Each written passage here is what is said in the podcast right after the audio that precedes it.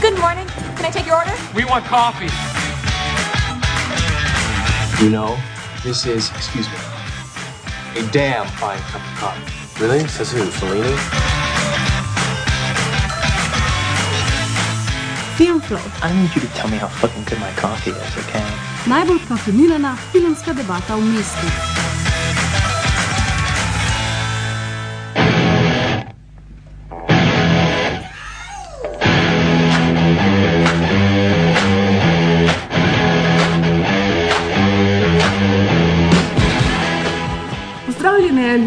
Ljubitelice in ljubitelji vsega filmskega. Še malo pa bo konec leta 2022. Se pa počasi bližamo koncu letošnje Filmflow serije. Zdaj se danes odpravljamo v leto 98, ko je nastal Majin drugi najljubši film. Ja. In sicer je to Velvet Goldmine oziroma po slovensko Žametne noči.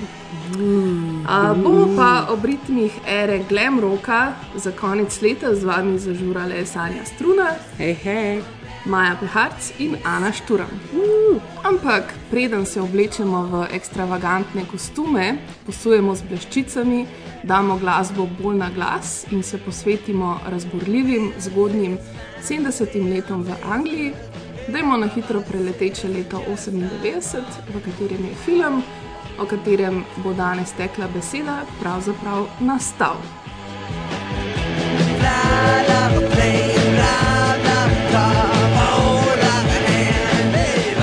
En tak nostalgičen internetni deep dive v časovnico popkulturnih referenc v letu 98 pravi takole. Za začetek leta oziroma januarja časopise in tabloide polni Bill Clinton, Monika Levinski škandal, mm, ki konec leta rezultira tudi v impeachmentu oziroma ustavni obtožbi predsednika Clintona. Februarja, oziroma natančneje med 7. in 22. februarjem, potekajo zimske olimpijske igre v Naganu na Japonskem. Na teh olimpijskih igrah se kot prvič kot olimpijska disciplina pojavi bordanje. Prav tako pa je revolucionarno prvič na olimpijskem sporedu ženski hokej. Wow. Mogoče je februarja zanimivo omeniti, še predvsem zaradi našega prejšnjega podcasta o Titaniku, a, to, da je na Valentinovo, torej 14. februarja 98, Titanik dosegel svoj največji zaslužek v enem samem Oh, dnevu. wow, itak. Ki je po mojem še vedno tako največ, mm. kar je katerkoli film v enem dnevu. Ne, čak, zdaj bo avatar prišel, to bo zih podaril vse rekorde. Ok, leta 98 je revija People's Magazine za najbolj seksi moškega na planetu razglasila Harrisona Forda. I mean, sure. He was 55 Ja, at the time. bravo. The it couple tega leta pa sta Victoria Adams, a.k.a. Posh Spice in David Beckham. Marca potekajo 70. Oscari, na katerih seveda s 14 nominacijami in 11 dobljenimi Oscari mm. popolnoma dominira Titanic. Na prireditvi seveda poje Celine Dion, ki nosi uh, Heart of the Ocean. Mm -hmm. Pa tako nisem zdaj zihar je tako nosila pač a movie prop. I mean, tako pač če jim je fora. Ne Mislim, vem, se ta stvar ni, ni obstajala? I don't know. it's not real. Maybe it is. Uh, sta bila pa na Oscarjih um, novinca, mm. uh, Matt Damon in Ben Affleck, uh, ki sta na prireditev kot dejt pripeljala vsak svojo mamo. Cute. Uh, aprila se v Sloveniji zgodi eden največjih potresov v 20. stoletju, to je potres v zgornjem posočju. Uh, Wikipedija ful zabavno pravi, da se je potres zgodil ravno v času velikonočnega kosila, mm -hmm. zato je bila panika velika, saj so bili vsi doma. Ja. Maja 98 je bila na ogled zadnja epizoda Seinfelda, v začetku junija pa na male zaslone pride kultna serija Seks v mestu.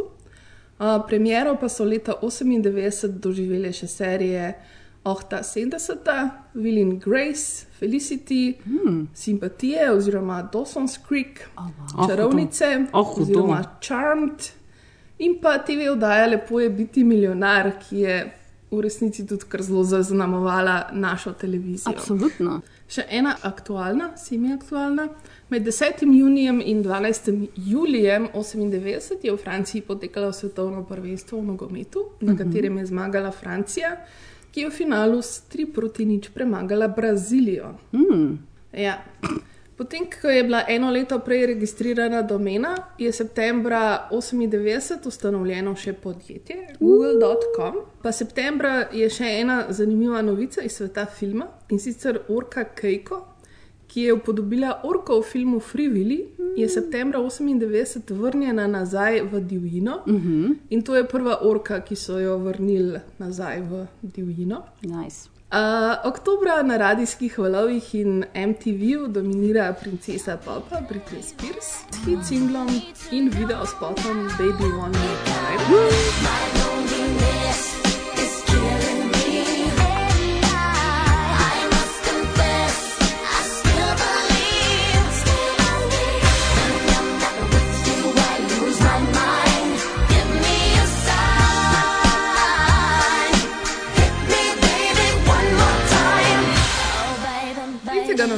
Novembra je premjerno prikazan film Zaljubljeni Shakespeare, ki je kot neodvisni film prejel Oscarja za naj film.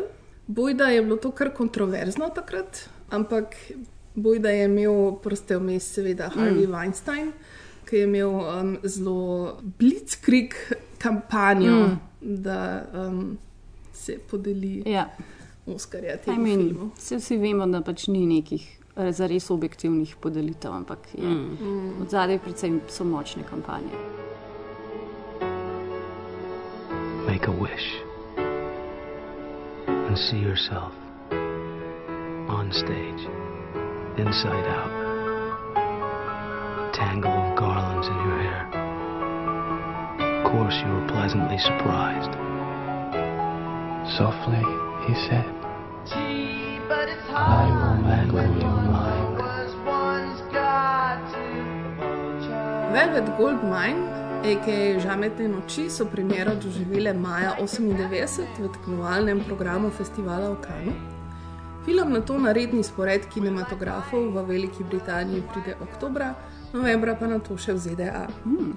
In seveda najprej za vse, ki nikoli še niste slišali za ta film ali pa rabite sam mal osvežiti spomin. Synopsis by the one and only Maja. Ja.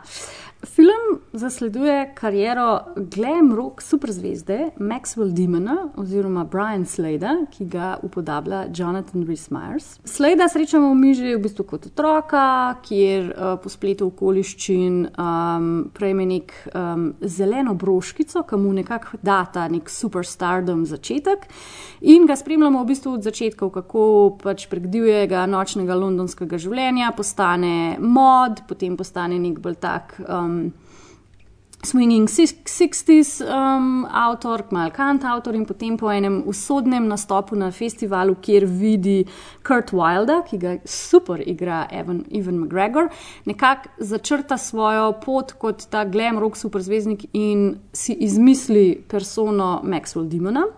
In potem um, je v bistvu to nek njegov osreden, osreden um, uspeh, oziroma pač zaradi tega rata zvezda.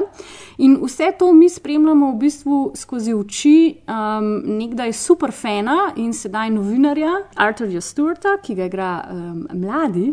Recimo temu mladi, Christian, uh, Christian Bale. Začetek te zgodbe je pa desetletnica um, kao umora Maxwella Dimona in Andrew Stewart je nekako uh, v vlogi novinarja napoten, da zdaj deset let kasneje, kaj se dogaja s tem um, uh, Maxwell Dimonom in potem se v bistvu skozi čas prehajamo, on intervjuje osebe zdaj, pa pripovedujejo, kaj se je takrat zgodilo. In um, spoiler alert za tiste, ki še niste videli filma, zdaj zatisnite ušesa, uh, se izkaže na koncu, da Maxwell Demon je zdaj pač nek ta generičen pop zvezdnik iz 80-ih uh, s fake spray tanom, velikimi blond lasmi in full velikimi belimi bliščečimi zobmi. Um, mogoče velja omeniti še, um, da ta zeleno broško, ki sem jo na začetku omenila, je To je naš uvod v film, ki se za moje pojme začne zelo Lord of the Rings, ki je pač tak temen, temen prizor in potem uh, gospa z globokim žametnim glasom začne govoriti. Mm -hmm. In sicer naj bi ta zelena broškica pripadala Oscar Wildu, ki naj bi ga, uh, ki uh, pride v naš svet tako, da ga alieni pustijo na pragu uh, pač teh družine Wild. In on je v bistvu nekako film začrta, da je on prvi pop zvezdnik in tako naprej. In vmes, medtem ko sem zdaj vse to govorila in um, ko smo si začrtali to zgodbo, se pa dogajajo sex, drugs in rock and roll in bleščice in glam in gay stuff in butt sex in whatnot. Da to je to. It doesn't really matter much what a man does with his life. What matters is the legend that grows up around him. Brian Slade was the wildest rock star to come out of London. The biggest thing since sliced Beatles. But that wasn't enough. We set out to change the world.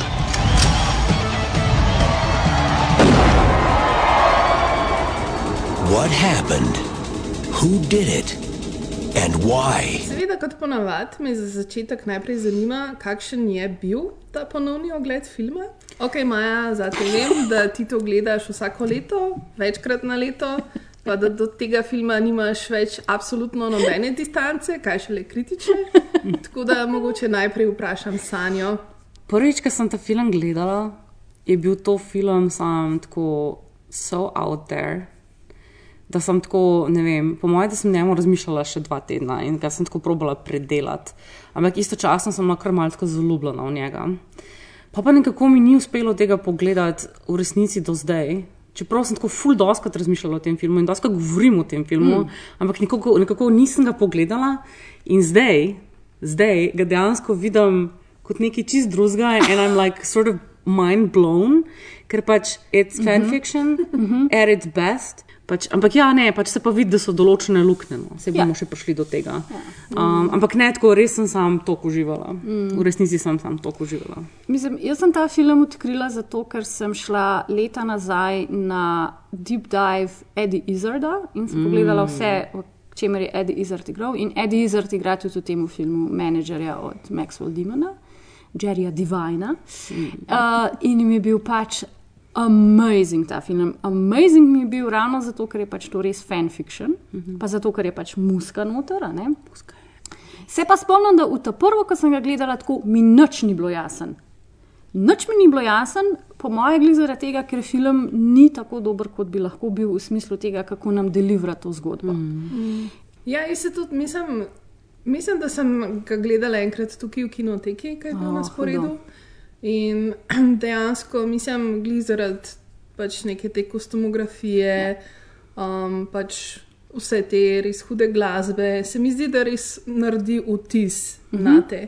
In mogoče takrat niti nisem tako spremljala same zgodbe, pa kaj se dogaja.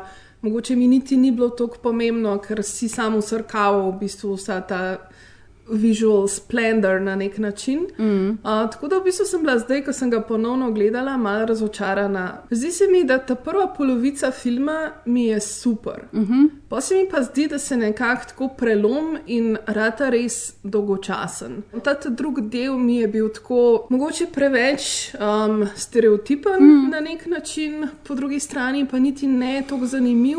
Predvsem tudi zaradi tega, ker se mi zdi, da ni dovolj razvil likov, da bi nas to res pol pelalo, oziroma nas zanimalo, kaj ja. se dogaja. Kar je verjetno pač tudi valjda posledica te razdrobljene strukture. Mm. Mi pač to gledamo skozi različne spomine. Ja. Plus, poleg tega, da imamo seveda te časovne linije, imamo še v bistvu pol neke flashbacke na neko zgodnje otroštvo in en kupenih pač stvari, ki nekako mogoče malo stanejo zares uh, v zraku. Ja. Mi je bilo pa, mislim, dobro, da si umenila no, to uvodno sekvenco, ker meni je tudi spomnil na to, kaj eni stvari. Mislim, pač ta prizor s tem dojenčkom mi je tako isti kot Harry Potter. Ja, mm. ja, ja, ja. Kar mi je bilo mm. zanimivo, glede na to, da so recimo tudi knjige v istem času nekako ja. takrat ja. mm -hmm. prišle. Mm. Pa ne vem, mislim, se mi zdi, da tudi ta dokumentarc, Moonage Daydream, mm -hmm. ki smo ga gledali, ima isto tako vod, mm -hmm. kot ga ima ta film. Ja. S tem voiceover, voiceover, ja. tema itd. Tako da, ful je veliko bilo enih stvari, ki jih recimo še danes velikrat ja, na, na nek način ja. vidiš. Ja. Ja, jaz, jaz mislim, da mogoče film res trpi pod tem, da je ta narativni pristop kako podajamo zgodbe skozi serijo intervjujev, pa spogledi nazaj. Mm. Kar sicer ni tako nič dramatično novega. Vse to je poznana stvar, ta nek frame tega, da v bistvu ti vstopaš v zgodbo skozi spomine, mm. pa tudi da imaš spomine različnih protagonistov, je zelo najs pa to.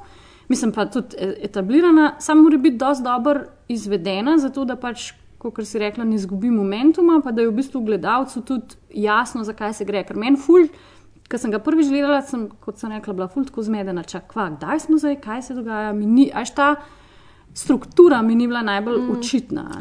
Tudi ja. mogoče zato, ker je tako vseglih v bistvu visoko fikcionaliziran in imajo ta heightened reality vseglih v določenih delih, da pol nisi več zihar, okay, kaj kvazi točno se mm. dogaja. Ne? Uh, mislim, jaz bi tle sem notor pač posegla in rekla, da jaz mislim, da glih to, da je fanfiction, je tisto, v čemer je problem. Um, Zaradi tega, ja. ker pač fanfiction po defaultu je izredno subjektivna forma. Ja. In pro, problem je v tem, da je Todd Haynes je sam sebi naredil malo štalo s tem, da je probo sebe ustaviti v ta film kot Stuarta. Ah. In je istočasno, fuleno tako subjektivno, pač vse skupaj pač pregled, pregledano, istočasno pa tako izpade, da mal ni hotel pa preveč sebe dati v ta film in pa nam je kar ene lukne pustil. Ja. Mhm. Tako ja. da v resnici je to zaradi tega, po mojem, to kluknost karakter, ker je pač subjektivno ja. oboževanje teh vseh likov, ja. ampak ta, ki pa sam sebe na zostavo, je pa ja, prazen. Ker, ker v bistvu pri Stuartu, pri pr Kristjanu Bejlu, pri tem liku novinarja, v bistvu najbolj zmanjka ta nek uh mhm. -huh. razvoj. Ja. Ne?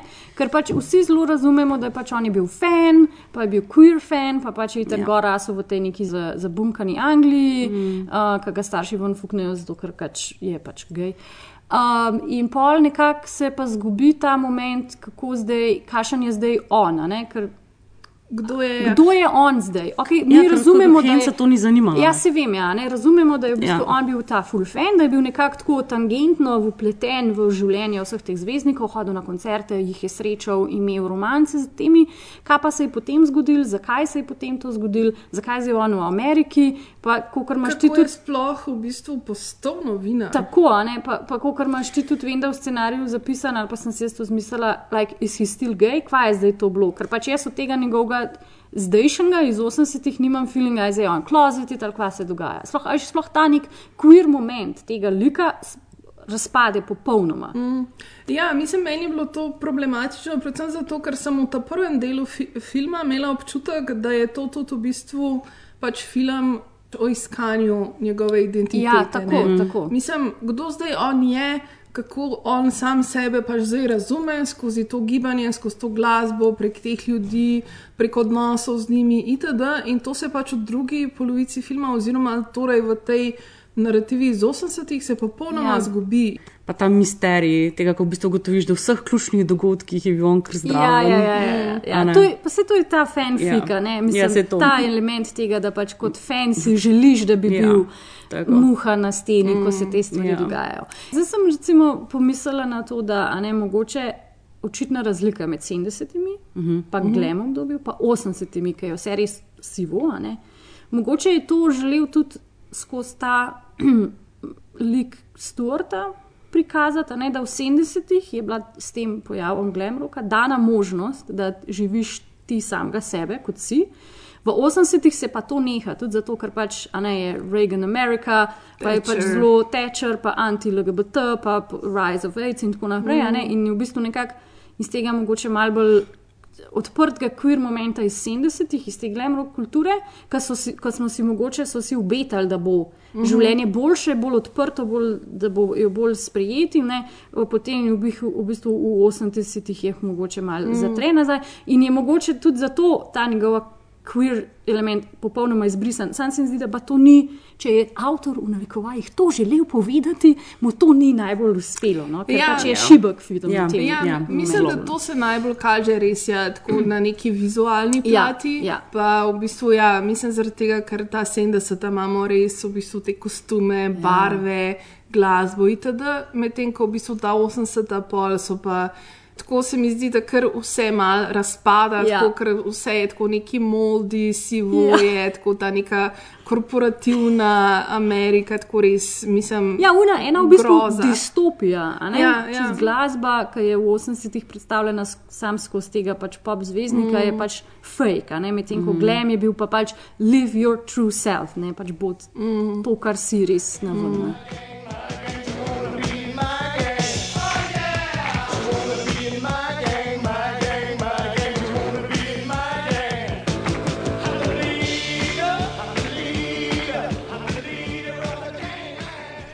Sama struktura filma se mi zdi, da je um, po svoje zanimiva. Mm.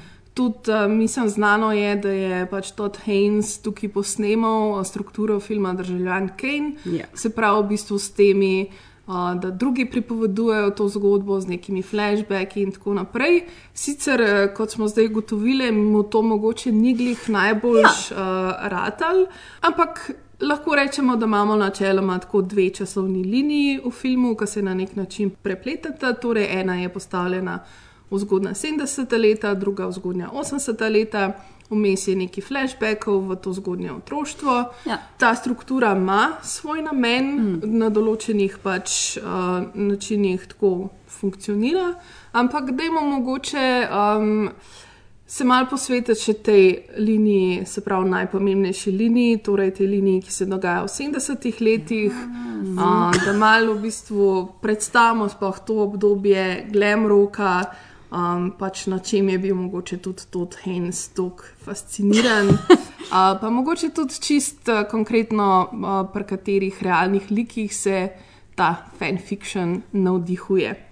Kot vsaka nova glasbena zvrst oziroma glasbeni odgovor je Glam Rock odgovarjal na nekaj, kar se je dogajalo v 60-ih. a ne. In v 60-ih se je dogajal ta nek rok z velikim rajem, bili so bitli, bili so Led Zeppelini, soloti, ki so trajali 15 minut, ker so bili pač oni prejšnji rok zvezdniki tako zelo. Resno so sami sebe jemali, se mi zdi, da je Glam, glam Rock mal zapeljal to v kamp, v ta hedonizem, v, v, v bleščice v končni fazi. Obdobje Glam Rocka je zelo kratek čas trajalo, če lahko tako rečem, ker je bilo najbolj je bilo um, uveljavljeno med um, 70 in 75, v bistvu v petih letih se je vse nekako zgodilo. Uh, v Angliji, seveda. Ta začetnik so T-Rex oziroma Max Bolan. Max Bolan je bil pevec oziroma kitarist v T-Rexu in oni so na Top of the Pops Hot Love zaigrali, kot je bila prva taka neka glam zadeva, ker so se tudi začeli oblačiti v bliščice in tako mal um, ekstravertirano. No? In potem je to v bistvu it took off, it took off pa tudi predvsem zaradi David Bovija, ker je pač leta 72 že uh, kreiral Ziggy Stardusta and the Spiders from Mars. In on je bil nekako tisti unres, ko je ponesel glam rock v svet. In okužil še druge s tem glam rockom, um, najbolj in, in dotaknil tudi. In pač povzročil to, da v bistvu glam rock še danes nekako vpliva v določenih elementih na, na pop sceno. In recimo, kdo so bili pol um, glam bandi oziroma glam, glam rock skupine? Roxy Music Suite, Slade, Mod the Hopple, Mud and Alvin Stardust in kasneje pol mogoče še v Mejhem bolj. Um, Trši različici, oziroma malo bolj hard rock različici, Def Leppard, Cheap Trick, Poison Kiss, Quiet Riot. Zato, ker recimo polne, ko glam rock fizzles out, ne, se v bistvu pol shock rock Alice Cooper, pa ta nek hair metal, glam metal, kisa ustanovi naprej, oziroma nekako uh -huh. nadaljuje. Ne. Recimo, ne tudi ne vem. Placebo je nekako sodoben glam rock, Prince je bil recimo zelo naslonjen na glam rock oziroma na ta neko resno, pozitivno, entuzijastično priklanjanje življenju in da imamo živeti tako, kot smo, ta nek hedonizem uživancev. In zato je bil v bistvu strani nekih teh etabliranih rok zvezdnikov, pa ustvarjalcev glam rock zmeraj tako mal, so ga mal po stran gledali, da ah, kva se vidi le neki afnate, ne? zato ker so bili zelo afekcionirani. In v bistvu, ne vem, vse te bende, ki sem jih omenila, pa tudi v bistvu pa Lurid in Iggy Pop na koncu, ko sta od Glam Roka potegnila mogoče majhen sam ta Joie de Vivre, ne, je v bistvu sta tako Kurt Wild oziroma Ivan McGregor kot uh, Maxwell Demon, uh, Jonathan Rhys Myers naslonjena na eni strani na um, David Bovija, uh, Brian Inota, Max Bolana, um, a ne, to se pravi, oziroma si lahko predstavljamo, Maxwell Demon je David Bovija, medtem ko uh, Kurt Wild je pa naslonjen na Iggy Popa in na Lurida in si lahko predstavljamo Ivan McGregorja kot pač Iggy Popa. In v bistvu je to, kar si ti rekla, fanfiction. Njunih življenj, oziroma njune zgodbe, ki sta bila zelo prepletena med v 70-ih letih in se imajo tudi in real life, pač so ljudje bili pripričani, da sta skupaj in da sta par in ta queerbaiting, ki takrat, če nismo mm. rekli queerbaiting, mm. je bil resničen. Jaz vem, da Todd Haynes je hotel tudi dejansko David Bowie, da je zraven potegniti, dobiti pravice za njegovo musko, ampak je bil potem David Bowie v klasični David Bowie maniri, oh, ne, bom jaz naredil sam tak film, ki ga potem nikoli ni. Um, ampak v bistvu ugotavljam, da je dober, da ni dejansko David Bowie noter njegove muske, ker se mi zdi, da pol bi pa res to neko visoko fikcionaliziran filter vzel. Ker Zdaj, zdaj, zdaj res, a veš, si pol Todd Haynes lahko dovolil mogoče tudi marsikateri izhod v izmišljene elemente, ki mogoče, če bi mogel David Bowie musko uporabiti, ne bi, ne bi si tega prvošel. No? Uh, mogoče honorable mention, kot sem že rekla, Eddie Izzard, uh, Jeremy Divine, manager, pa super Tony Collette kot žena od uh, Maxwell Dimena, ki je tudi naslonjena na prvo ženo David Bowieja, na Angelo. Um, Tako da, ja, to. In um, potem, recimo, ne vem, če pa pogledamo pol 80, ki je vse majhen bolj se zabedirala, ne v 80-ih pa pol v bistvu gremo v ta hair metal, nek ta motley crew moment, pa v pop. Uh -huh. Ker potem v bistvu v 80-ih je prvič pa pol, a ne je pop, je Madonna in Michael Jackson in v bistvu prvič mogoče za res pop prevzame uno vodil, vodilno gonilo so, um, te neke mm. popularne kulture. Ne? In je zato se pa enemu glam fanu iz 70-ih zdi, da je vse bedno v 80-ih, tako nekako. Verjetno, Tako. res je. Oziroma, tako, glej, zdaj v bistvu razmišljam, da ta, ta vicev, pač ta stone, ki je potem ta neka reinkarnacija, oziroma pač ne vem, plastic surgery, pač mm -hmm. Ana, Ja. uh, Maxwell Demon, um, je v resnici tako mal Rick Astley, Ja, ja, ja, fulja. sem tako blond. Ja, ja, ja. which is the ultimate trolling moment Yes, ever. yes, I think. yes. Um, Drugač pa ja, ne, jaz sem, tako, jaz sem šla včeraj tako ful globoko v stvari. Um, in v bistvu je tako, da je Curtis Wild naj bi bil mešanca Lurida, mm -hmm. that's where the elektrošoki pridejo. Yes. in pač Iggy Popa. Mm -hmm. Medtem ko the sexual note of it all je pa Mick Jagger. Yes. Ker pač in to je, je po Tell It All od Angie Bowie, ki je bila mm -hmm. ja, prva žena. Ja. Tako da smo tudi tako malo, ker pač jaz vem, da se je govoril, da Ja. ja. pač sploh ni od vas ful povezovali Ja. ja. v nekem romantičnem smislu.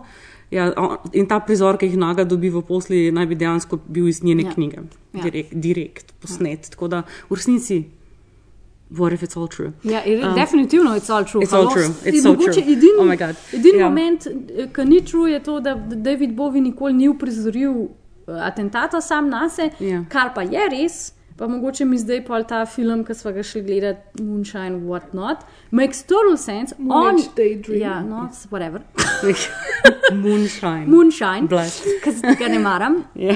Ker je on res reinvental samega sebe. A Veš, David mm. Bowie je res fucking kulturno resetal Anglijo v 70-ih, mm -hmm. Ker je bil pač ful relevanten, ful pomemben, ujel je duh časa, je bil je ta Ziggy Stardust, kar verjamem, da je bil naporen, pa je pa ratov en fucking pop zvezdnik. In v filmu je mogel zato ubiti Ziggy Stardusta in samega sebe, in real life je pa pač sam Ja. Si ful uh, z uh, visoko letečimi besedami uh, pač uh, upravičil to, da zdaj bo pa on delal pop muziko in bo uh, sellout. Mm. Mm. You could be my main man. It was pretty clear what was happening. It happens every day. But for the world to think it was happening, well, that was Jerry's particular genius. Right away, he started promoting the two of them like a pair of 40 starlets on a swoon. Tracy and Hepburn for the 70s. Satellite of love.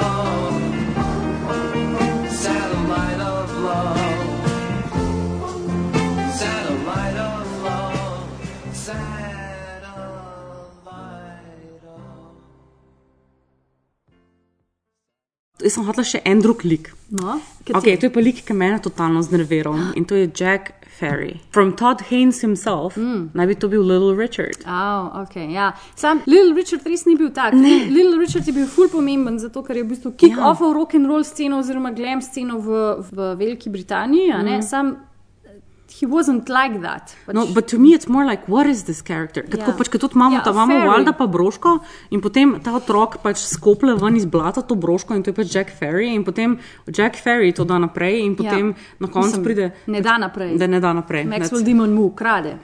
There you go. Ja.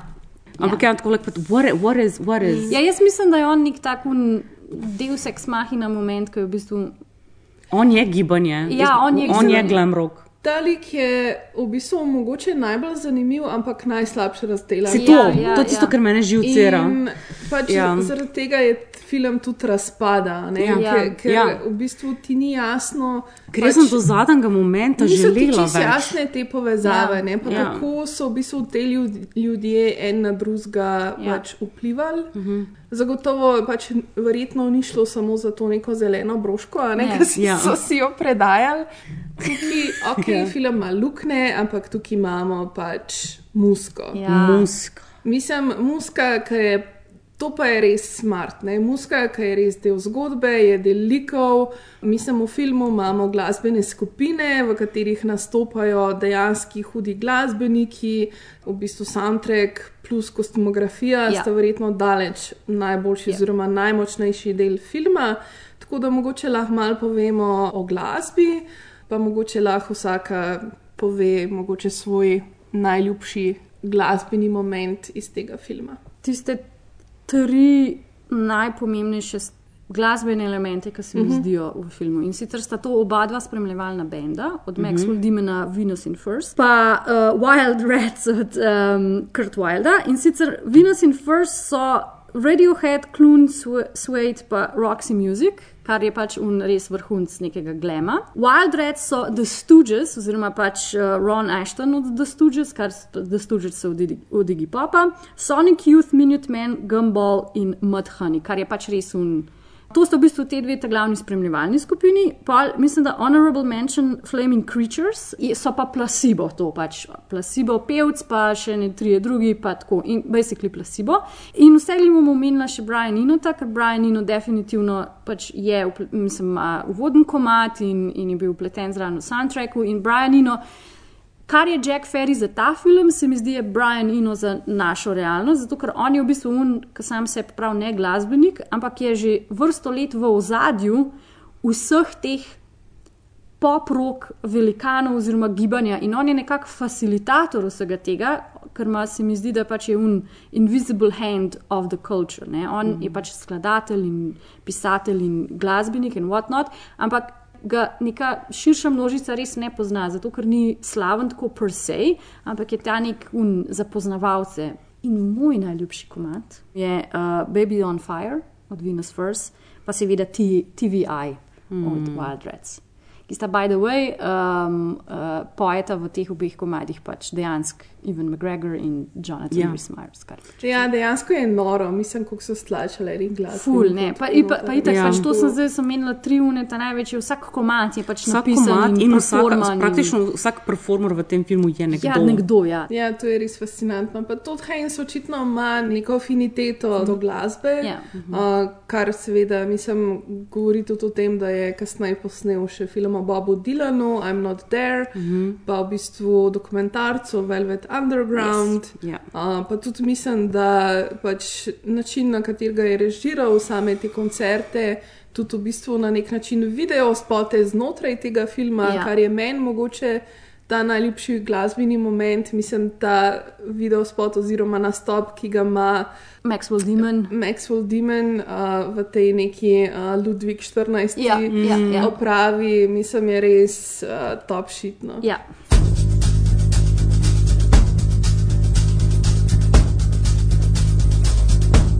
Baby's on fire. Better throw her in the water. Look at her laughing like a heifer to the slaughter. Baby's on fire,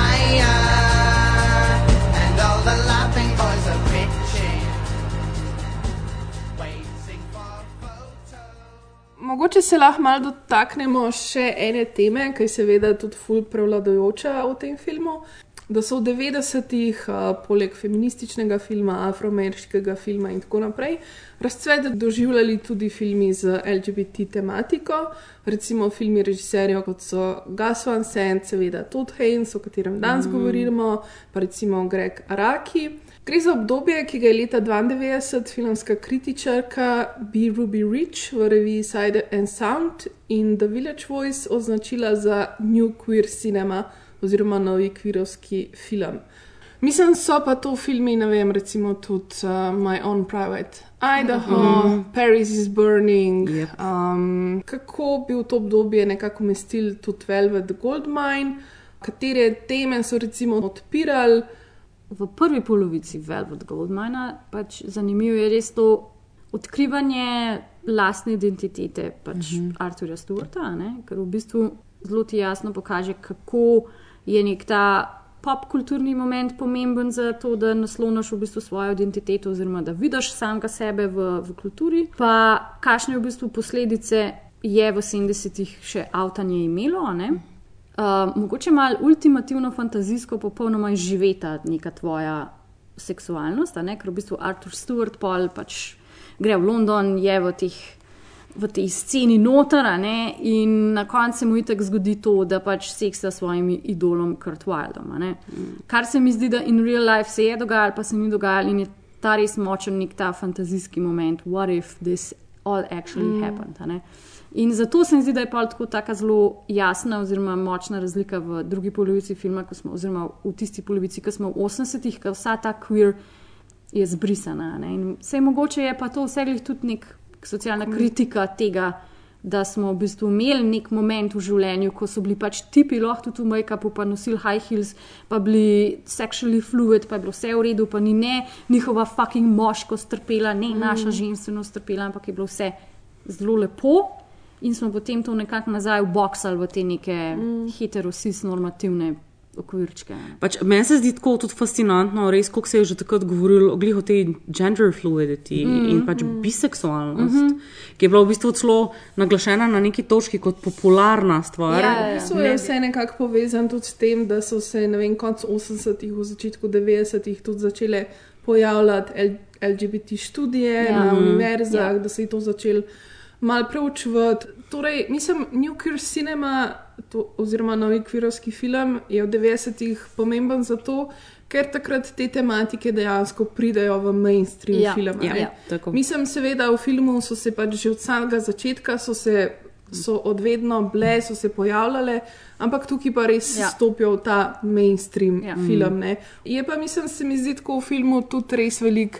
Teh nekih vizualnih referenc mm -hmm. na neko to kvirovstvo. Mm pač od vseh kostumov, ja. barov. Se mi zdi, da je veliko tudi neke te drag kulture. Ja, absolutno. Ja, ja, ja, ja, ja. Zvezane v tem, ja, tako ja, ja. da je res veliko. Ja, zato ker, zato, ker je v bistvu se mi zdi glam rock zelo performativen, ne, mm. da v bistvu ti performaš neko persono samega sebe, ki ni nujno. Mm glih usklajena s tem, kot te družba percipira. Kar je v bistvu mm. ključ tega razumevanja spola. V bistvu, ja, ja, ja, absolutno. Ja, ja. Ja. Ker v momentu, ko si rečeš, v bistvu, da performaš en drug gender, ugotoviš, da v bistvu performaš tudi lasten gender. Ker v bistvu ugotoviš, da so vse samo set of oblik dovoljenih obnašanja za en, za drug spol in ne, v bistvu vse, kar mi hočemo doseči, je, da kaj pa če ne bi bilo tega, pa se lahko vsak obnaša, kot mu paše. Pa pač je to, mm. to. That's the groundbreaking revolution we're trying to achieve. Yeah.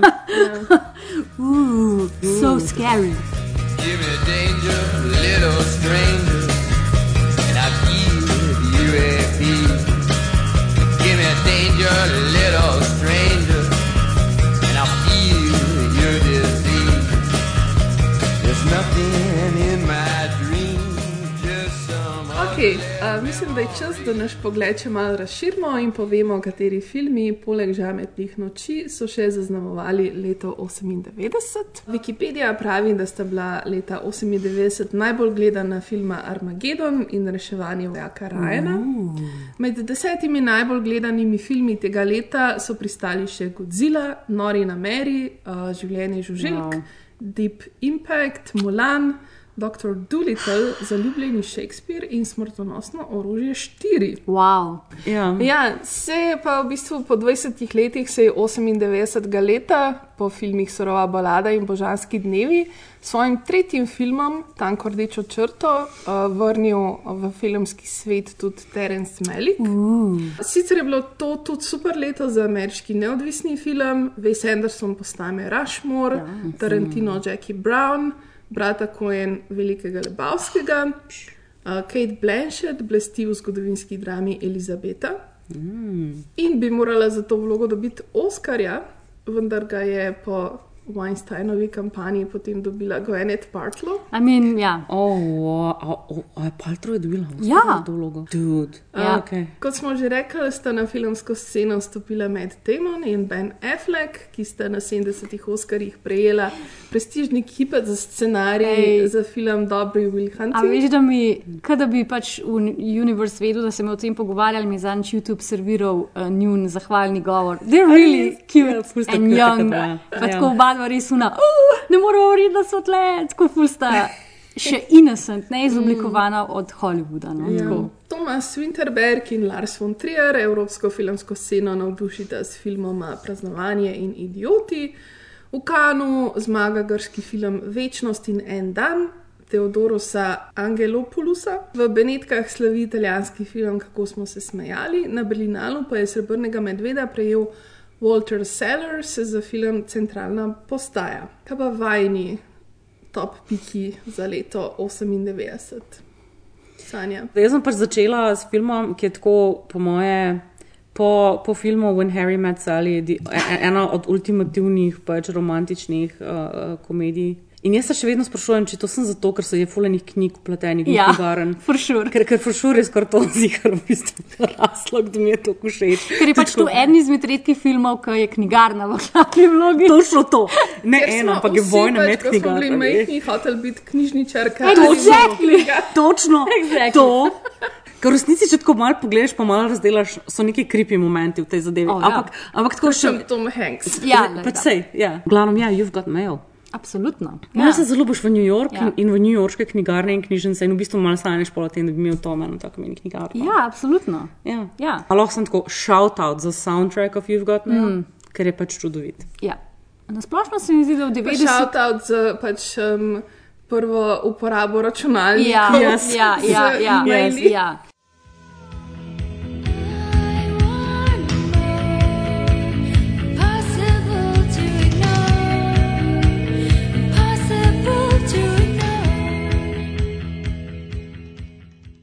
Pa, um, posebna omemba tega leta. Uh, moja posebna, kaj je že bila moja posebna omemba? Godzilla. A, Godzilla, a, ja, točno. Mislim, Godzilla je bila ful kontroverzna leta 98, Ja. ker uh, so vsi zamerali, da je slim Godzilla, Ja. da je pač skušena Godzilla. Ja. Medtem ko zdaj v teh ta novih, ta novih Godzillah tako pač kot why are you biti." fat Godzilla? Tako da Ja. stop body shaming fucking Godzilla. Yes. Gledala yeah. sem Jurassic Park dve v kinu uh -huh. in potem enko. Godzilla sem šla pa direkt v kino gledati. Ja, Ja, pač jaz tudi. Godzilla je tako fed my dinosaur sort Ja. of craving. craving. pa tako pač tudi, again, can we just have a moment for soundtrack, which includes David Bowie. Ja, ja, ja. Za moj najljubši film leta 98 sem si jaz izbrala Blade, posnet po seveda Marvelovem stripu. Mm -hmm. En izmed prvih uspešnih filmov, ki je bil posnet po stripih. Igra Blade Wesley Snipes, the one mm. and only Wesley Snipes. Yes, yes. Uh, režiser Steven Norrington, napisal David S. Goyer. David S. Goyer je potem uh, napisal in režiral še vse ostale Blade filme, ki jih ne bomo omenjali, ker pač niso več tako dobri. V filmu ne bom ful veliko razlagala, ker mislim, da so nedavno tega obodovci posneli o Bladeu, tako da pejte tja poslušati. Bom pa povedala, zakaj je meni to najboljši film. Zaradi ene same scene in sicer une scene takoj na začetku filma, ko ga uh, vampiri žurajo tam v eni kleti dol, v neki taki um, splošicam obloženi sobi. In je potem en najbolj epski trance, rave, pop, whatever komat, ker sem si jaz mogla iti pol v Miller prav kupiti CD tega komada, zato da sem ga pol doma poslušala in je to najboljša cena. In on pa upade, vse pobije, sprinklerji se vključijo, da uh, žegnana voda in šupi, it's uh, hudo. Honorable mention pa Practical Magic, oziroma mogoče najbolj bizaren slovenski prevod uh, čarovnije za vsak dan. Jaz bom forever perpleks nad temi prevodi. Practical Magic, uh, Griffin Dune, režija po knjigah Alice Hoffman. In sicer seveda govorite o sestrah Nicole Kidman in Sandri Bullock, ki sta čarovnici, imate nad sabo prekletstvo, uh, ljubezensko prekletstvo in je sam super cute film. Mislim, da je to prvi film, ki smo ga mi dve med korono skupaj gledali, vsaka na svojem laptopu nadaljavo in je bil cute. zelo dober uvod v to neko koronsko gledanje filmov. Mm. Še posebej spet again soundtrack, ki ima pač Stevie Nicks, Johnny Ja. Mitchell, Faith Hill in tako naprej, pač je res čudovit soundtrack. Jaz imam pa mogoče najprej honorable mention uh, Nori na Meri, tipična komedija 90-ih Ja. let. Um, mislim, da sta to brata Farrelly. Možno, Meni ja. No. Mislim, ista, ki sta naredila Butac in Butac. Mislim, najbolj legendarno sceno iz pač uh, romantičnih komedij vseh časov, ko pač si Cameron Diaz um, pač uh, namest, oziroma kako sploh to ubesediš. Ja, pač Ben Affleck, Ja, Ben Affleck, ben Affleck, ne Ben Affleck, Ben, Ben Stiller, Stiller. uh, masturbira pred tem in ima Ja. ja. spermo na ušesu in ona misli, da je to gel za lase in si naredi uh, frufru z spermo na gelom za lase. Ja, in lekcija je tle je, da kaj ti bojo neki pač produkti, če Ja, ja, pa če to očitno pač- full deluje. ja. Veš, kakšen bi bil un- učbenik za nemščino, ful drugačen, ki je bil kein Geld für ihre Käsen, uh, pa da on uporablja dva jajca, v bistvu kein Geld für ihre Käsen, ich benutze einfach mein Sperma. ful boljš. Oh my god, beautiful. Oh my god. Ja, moj pik za film tega leta je pa Armageddon, ker podobno kot Maja sem si šla seveda kupiti eh, CD Aerosmithov. Oh. Uh, zaradi tega komada, ki je bil Absolutno. v bistvu prvi um, number one komad Aerosmithov, Ja, prav zaradi tega filma. pozno v karieri. Ja. Res? Mm, ja. Fak, včeraj sem šla prav še enkrat pogledati ta film, tako prav zaluštal se mi je. In o oh moj bog, mislim, it's fucking amazing. Tako sorry, pač Top Gun se lahko skrije, a Ampak, Gun. a so v resnici leteli v tisti vesoljski Ja, ladji? a, so, a je, A a je je to Bruce Willis dejansko ladja? bil na komediji? Nobody Drilo? fucking cares, ker je tako. Pač, a, to je pa tako Michael Bay na 12, Ja. ja. ne? O moj bog, tako pač, ko vmes, ko to gledaš, ko pozabiš dihati, ker se toliko stvari pač dogaja in vse je tako, mislim, na 200 in vse je pač sam ridiculous. Ah. Tako, o moj bog, cast tega Ja, filma. vem, ja. To pa, to Oh, pa, to pa fuck, moramo dati. vsi ja. So noter, ja. Um, Steve Buscemi, Ja. Ja. um, Ben Affleck, mislim, Greg, ki, tako, vsi so pač Ja. yeah. noter. Tako, it's, mislim, Billy Bob Thornton. Ja, Billy Ja. Bob Thornton, Bil bi Bob Thornton. Liv Tyler, pač Ja. vsi so v tem filmu. Uh, ja. Tako da, mislim, tako moram reči, da sem kar uživala. Zabavanje, um, pač vse skozi eksplodira, ti so skozi tako pol sekunde pred tem, da umrejo. ja. Zdaj si mi naredila lušte za ta film. Ja. Tako, by the way, pač, ne morem verjeti, da je bil na top 10 listi Deep Impact, ki je, Oh, ja. ki je pač še en od teh filmov in Ja. noter igra glavno vlogo Elijah Wood. Ja. Baby Frodo. Baby Frodo. Pa Deep Yes. Impact yes. je basically. Kaj če se Armage- Armage- kaj če Armagedonu spodleti, se Ja. pa to zgodi. a ne? Ker. Armagedonu oni razpukajo ta komet, Earth live, slepa komet dol pade. Tako da 98 so bili očitno vsi wow. full, full um, Ja, Interior ampak Comets. Ja. 2000 se je Ja, približalo, ja, ne. Doomsday. Lying close to you, feeling your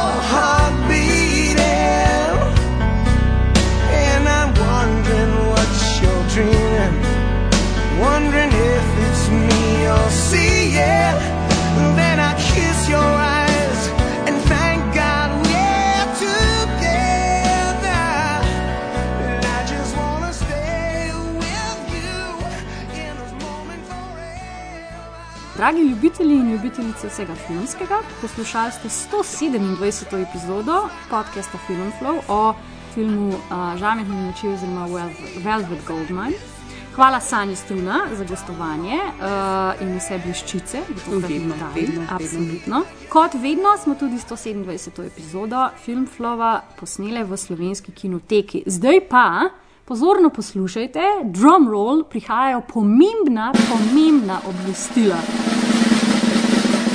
Januarja 2023, ponavljam, januarja 2023, se ima v kinoteki zgoditi cikel filmov pod naslovom Zeitgeist 90, ki ga je inspiriral uh, prav naš podcast, oziroma naših zadnjih 12 oziroma 11 oddaj. In na ogled bo kar nekaj filmov, o katerih smo tudi mi govorili tekom letošnjega leta, recimo White Man Can Jump oziroma Driblerja pod košem, Boys in the Hood, fa fantje iz soseščine, Telma in Louise in seveda maska, pa tudi Ace Ventura in Jurski park in seveda tudi Velvet Goldmine Zeitgeist 90 bo top. In še nekaj filmov um, bo slovenska kinoteka dodala zraven, o katerih mi nismo govorili, ampak itak priporočamo ogled. Recimo Free Willy, Total Recall, Halo, Oh nujno God. obvezno, Čarovnico iz Blera, ne hvala, bom isto Mm, preskočila, pa Pelikanovo poročilo, kar se mi zdi, da je tudi tako uno spregledan film 90-ih, Ampak čeprav je res, res to. oh, come on, pa John Grisham v novele. pa Ja, come on. res ful, ful, ful, ful. Najlepše vabljeni v kinoteko, da si popestrite res dolg, siv, depresiven januar in si prvič po 30 letih, ker 90 so že 30 let nazaj, in verjetno zadnjič ogledate na velikem platnu filme iz 35 mm filmskih kopij. Če želite imeti ta moment, ki pač gledate my filme iz filmskih kopij, je res posebno doživetje. Tako da res pridite v kinoteko. In še eno posebno povabilo, So tudi, ja, tudi v januarju, um, v petek, 27. januarja, v slovenski kinoteki, v živo snemamo zadnjo epizodo cikla 90 in zadnjo epizodo Filmflova.